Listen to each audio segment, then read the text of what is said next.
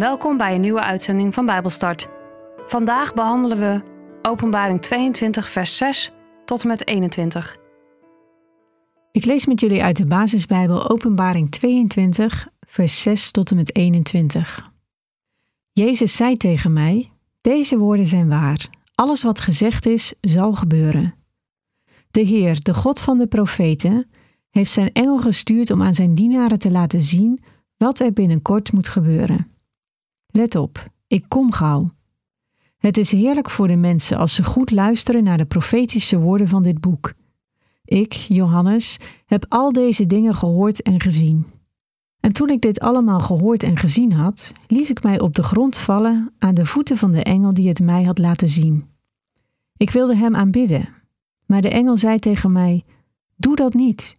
Ik ben een dienaar, net als jij en je broeders, en net als de profeten en alle andere mensen die goed luisteren naar de woorden van dit boek. Aanbid God. Daarna zei hij tegen mij: Houd de profetische woorden van dit boek niet geheim, want alles wat erin geschreven staat, gaat bijna gebeuren.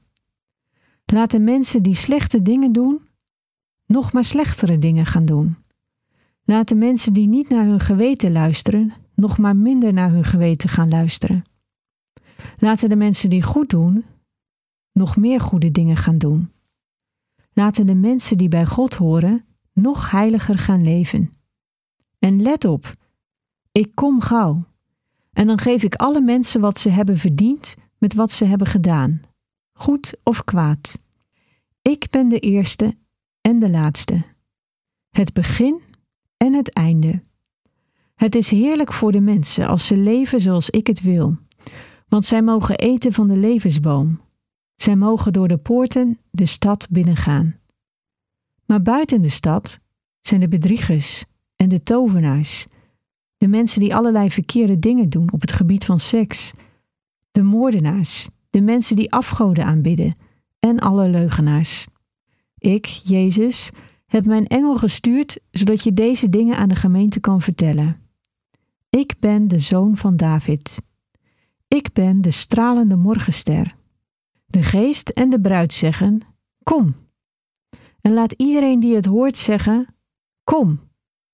Iedereen die dorst heeft, mag komen. Iedereen die wil, mag komen drinken van het water dat levend maakt. Je hoeft er niets voor te betalen. Ik zeg tegen iedereen die de profetische woorden van dit boek hoort: Als je hier iets aan toevoegt, zal God je straffen met de rampen die in dit boek zijn beschreven. En als je iets weglaat van de profetische woorden van dit boek, zal God jou je erfenis afnemen. Je naam zal niet in het boek van het leven staan. Je zal niet van de levensboom mogen eten. Je zal niet in de heilige stad mogen wonen. Je zal niets krijgen van de dingen waarover in dit boek geschreven staat. Hij die deze dingen gesproken heeft, zegt: Ja, ik kom gauw. Amen. Zo is het. Ja, kom, Heer Jezus. Ik bid dat onze Heer Jezus Christus in alles goed voor jullie zal zijn.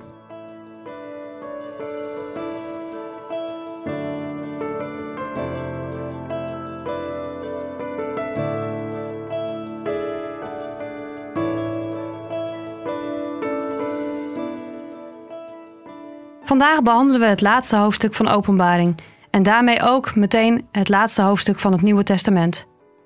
We hebben een behoorlijke reis afgelegd. We hebben gelezen over de zegel die God geeft aan zijn kinderen. We hebben gehoord van het kwaad dat zich op allerlei manieren manifesteert. We hebben gelezen dat Gods kracht zoveel groter is dan het kwaad. Het kwaad is vernietigd en alle mensen en dingen die zich bij het kwaad hadden aangesloten zijn veroordeeld. En wat overblijft zijn de kinderen van God, de mensen die hebben volgehouden tot het einde. De mensen die Jezus als Heer en Redder hebben aanvaard. Johannes krijgt een extra verzekering dat er niet getwijfeld kan worden aan dat wat er gezegd is en dat wat hij heeft gezien. Let op, ik kom gauw. Het is heerlijk voor de mensen als ze goed luisteren naar de profetische woorden van dit boek.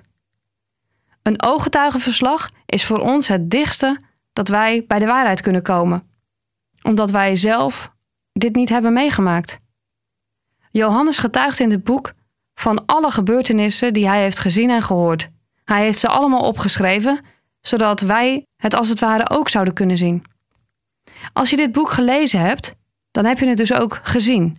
Misschien niet zo letterlijk als Johannes het voor zich zag, maar toch, je bent ervan op de hoogte gebracht. En de vraag is nu: geloof je het ook? Johannes wil in vers 8 de engel aanbidden die dit allemaal aan hem bekend heeft gemaakt. Maar de engel geeft aan dat absoluut niet te willen. In een van de andere uitzendingen heb ik uitgelegd dat aanbidding iets is wat vanuit het diepst van je kern, van jezelf, van je zijn, een gevoel wat opborrelt.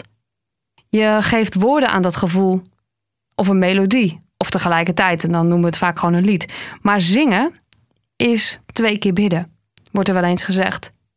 En als je dat doet vanuit je binnenste, dat zo geraakt is door Gods aanwezigheid, dan vinden de woorden, de melodieën en eventueel zelfs de danspasjes zelf de weg naar buiten. De weg naar God om Hem te aanbidden. En dat was ook Johannes' eerste reactie. Hij is zo geraakt door alles wat hij heeft gezien en meegemaakt, dat hij zich in aanbidding voor de voeten van de engel op de grond laat vallen. En dat is niet de eerste keer. Maar keer op keer zegt de engel: Nee, doe dat niet. Ik ben maar een dienaar, net als jij en je broeders. En net als de profeten en alle andere mensen die naar God luisteren, die goed luisteren naar de woorden van dit boek. Aanbid God. Alleen God is onze aanbidding waard. Laat je door niets of niemand afleiden. Niet door mensen, niet door bezittingen, niet door ideeën, ook al zijn ze prachtig. Alleen God is onze aanbidding waard. En de engel vertelt daarna Johannes in vers 10 en 11 wat hij moet doen als het visioen voorbij is. Houd de profetische woorden van dit boek niet geheim, want alles wat erin geschreven staat, gaat bijna gebeuren. Laat de mensen die slechte dingen doen, nog maar slechtere dingen gaan doen.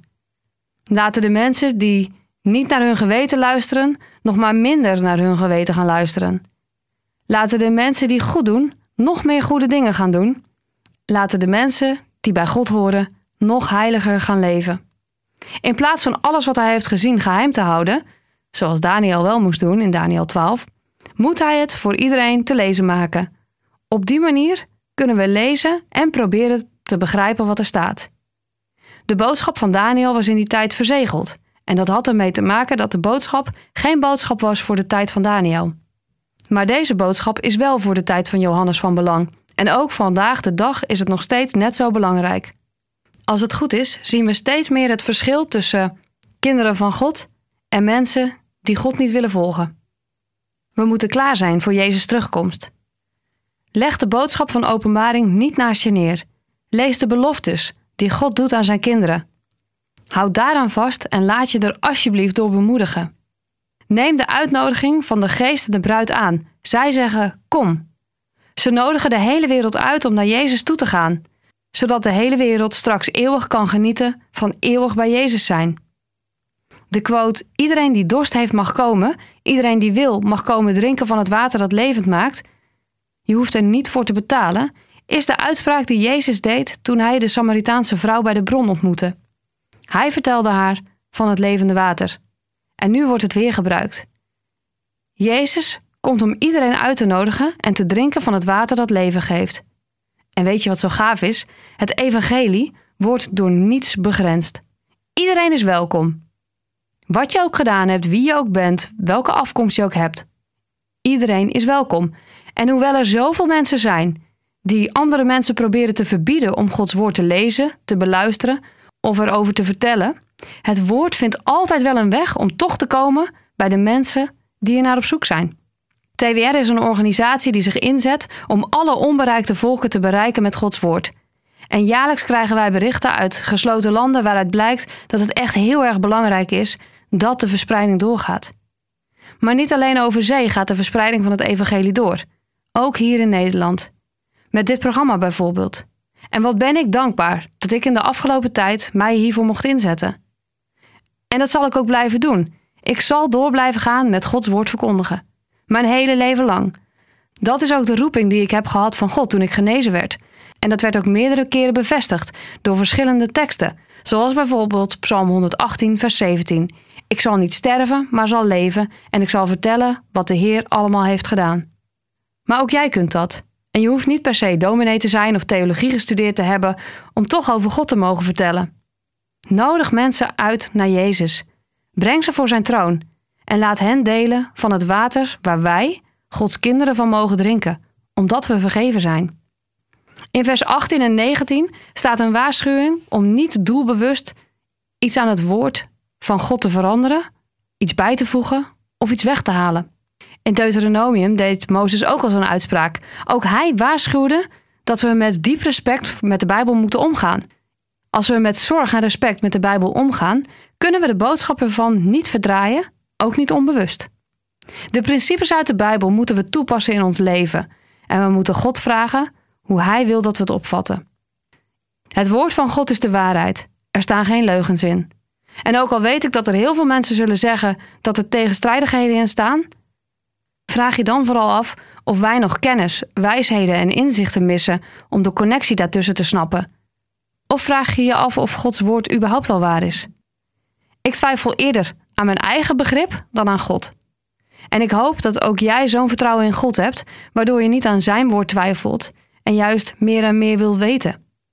Ik ken genoeg mensen die iets tegenkomen in de Bijbel waar ze niets van snappen en dat ze dan dat hele gedeelte, of juist de hele Bijbel zelfs, aan de kant gooien. Maar wat nu als we bij die moeilijke stukken niet de Bijbel aan de kant gooien, maar het juist beter bestuderen? Dus niet zozeer aan God twijfelen, maar aan ons eigen begrip.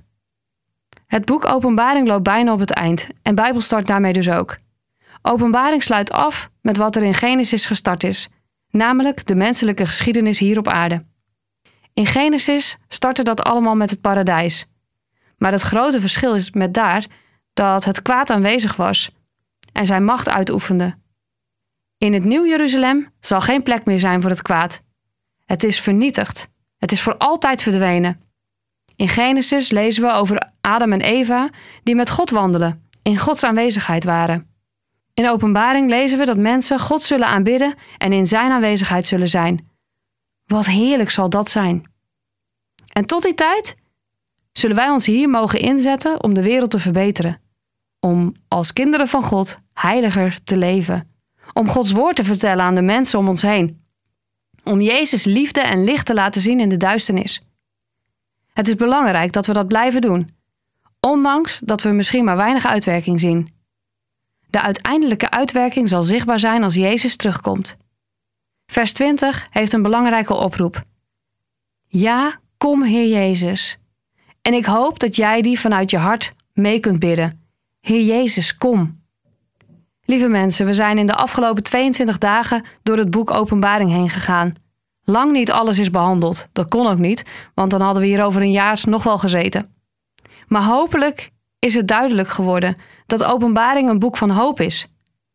Het laat zien dat alles wat er gebeurt, gebeurt met een reden. God heeft alles onder controle. God werkt aan zijn reddingsplan en er glipt hem echt niet door de vingers. Het boek Openbaring belooft ons dat het kwaad niet voor altijd zal blijven bestaan. Er komt een einde aan zorgen, verdriet, ziekte, pijn en de dood. Het belooft ons ook dat de mensen beloond zullen worden die volhouden en stand houden dwars door alles heen. De mensen die blijven geloven dat Jezus is het volmaakte offer, onze verlosser, zaligmaker, redder en geneesheer en alle andere namen die hem eer bewijzen. Maranatha. Ja, Heer Jezus, kom. Kom gauw en maak alle dingen nieuw. Amen.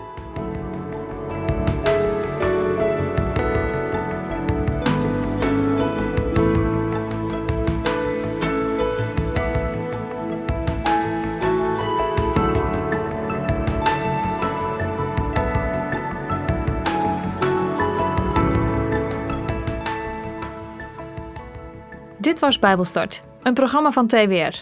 Het is gebaseerd op het Amerikaanse programma Through the Bible, ook wel TTB genoemd. En deze uitzending is een samenvatting van twee afleveringen. Wil je meer weten? Ga dan naar ttb.org of ga naar twr.nl/bijbelstart.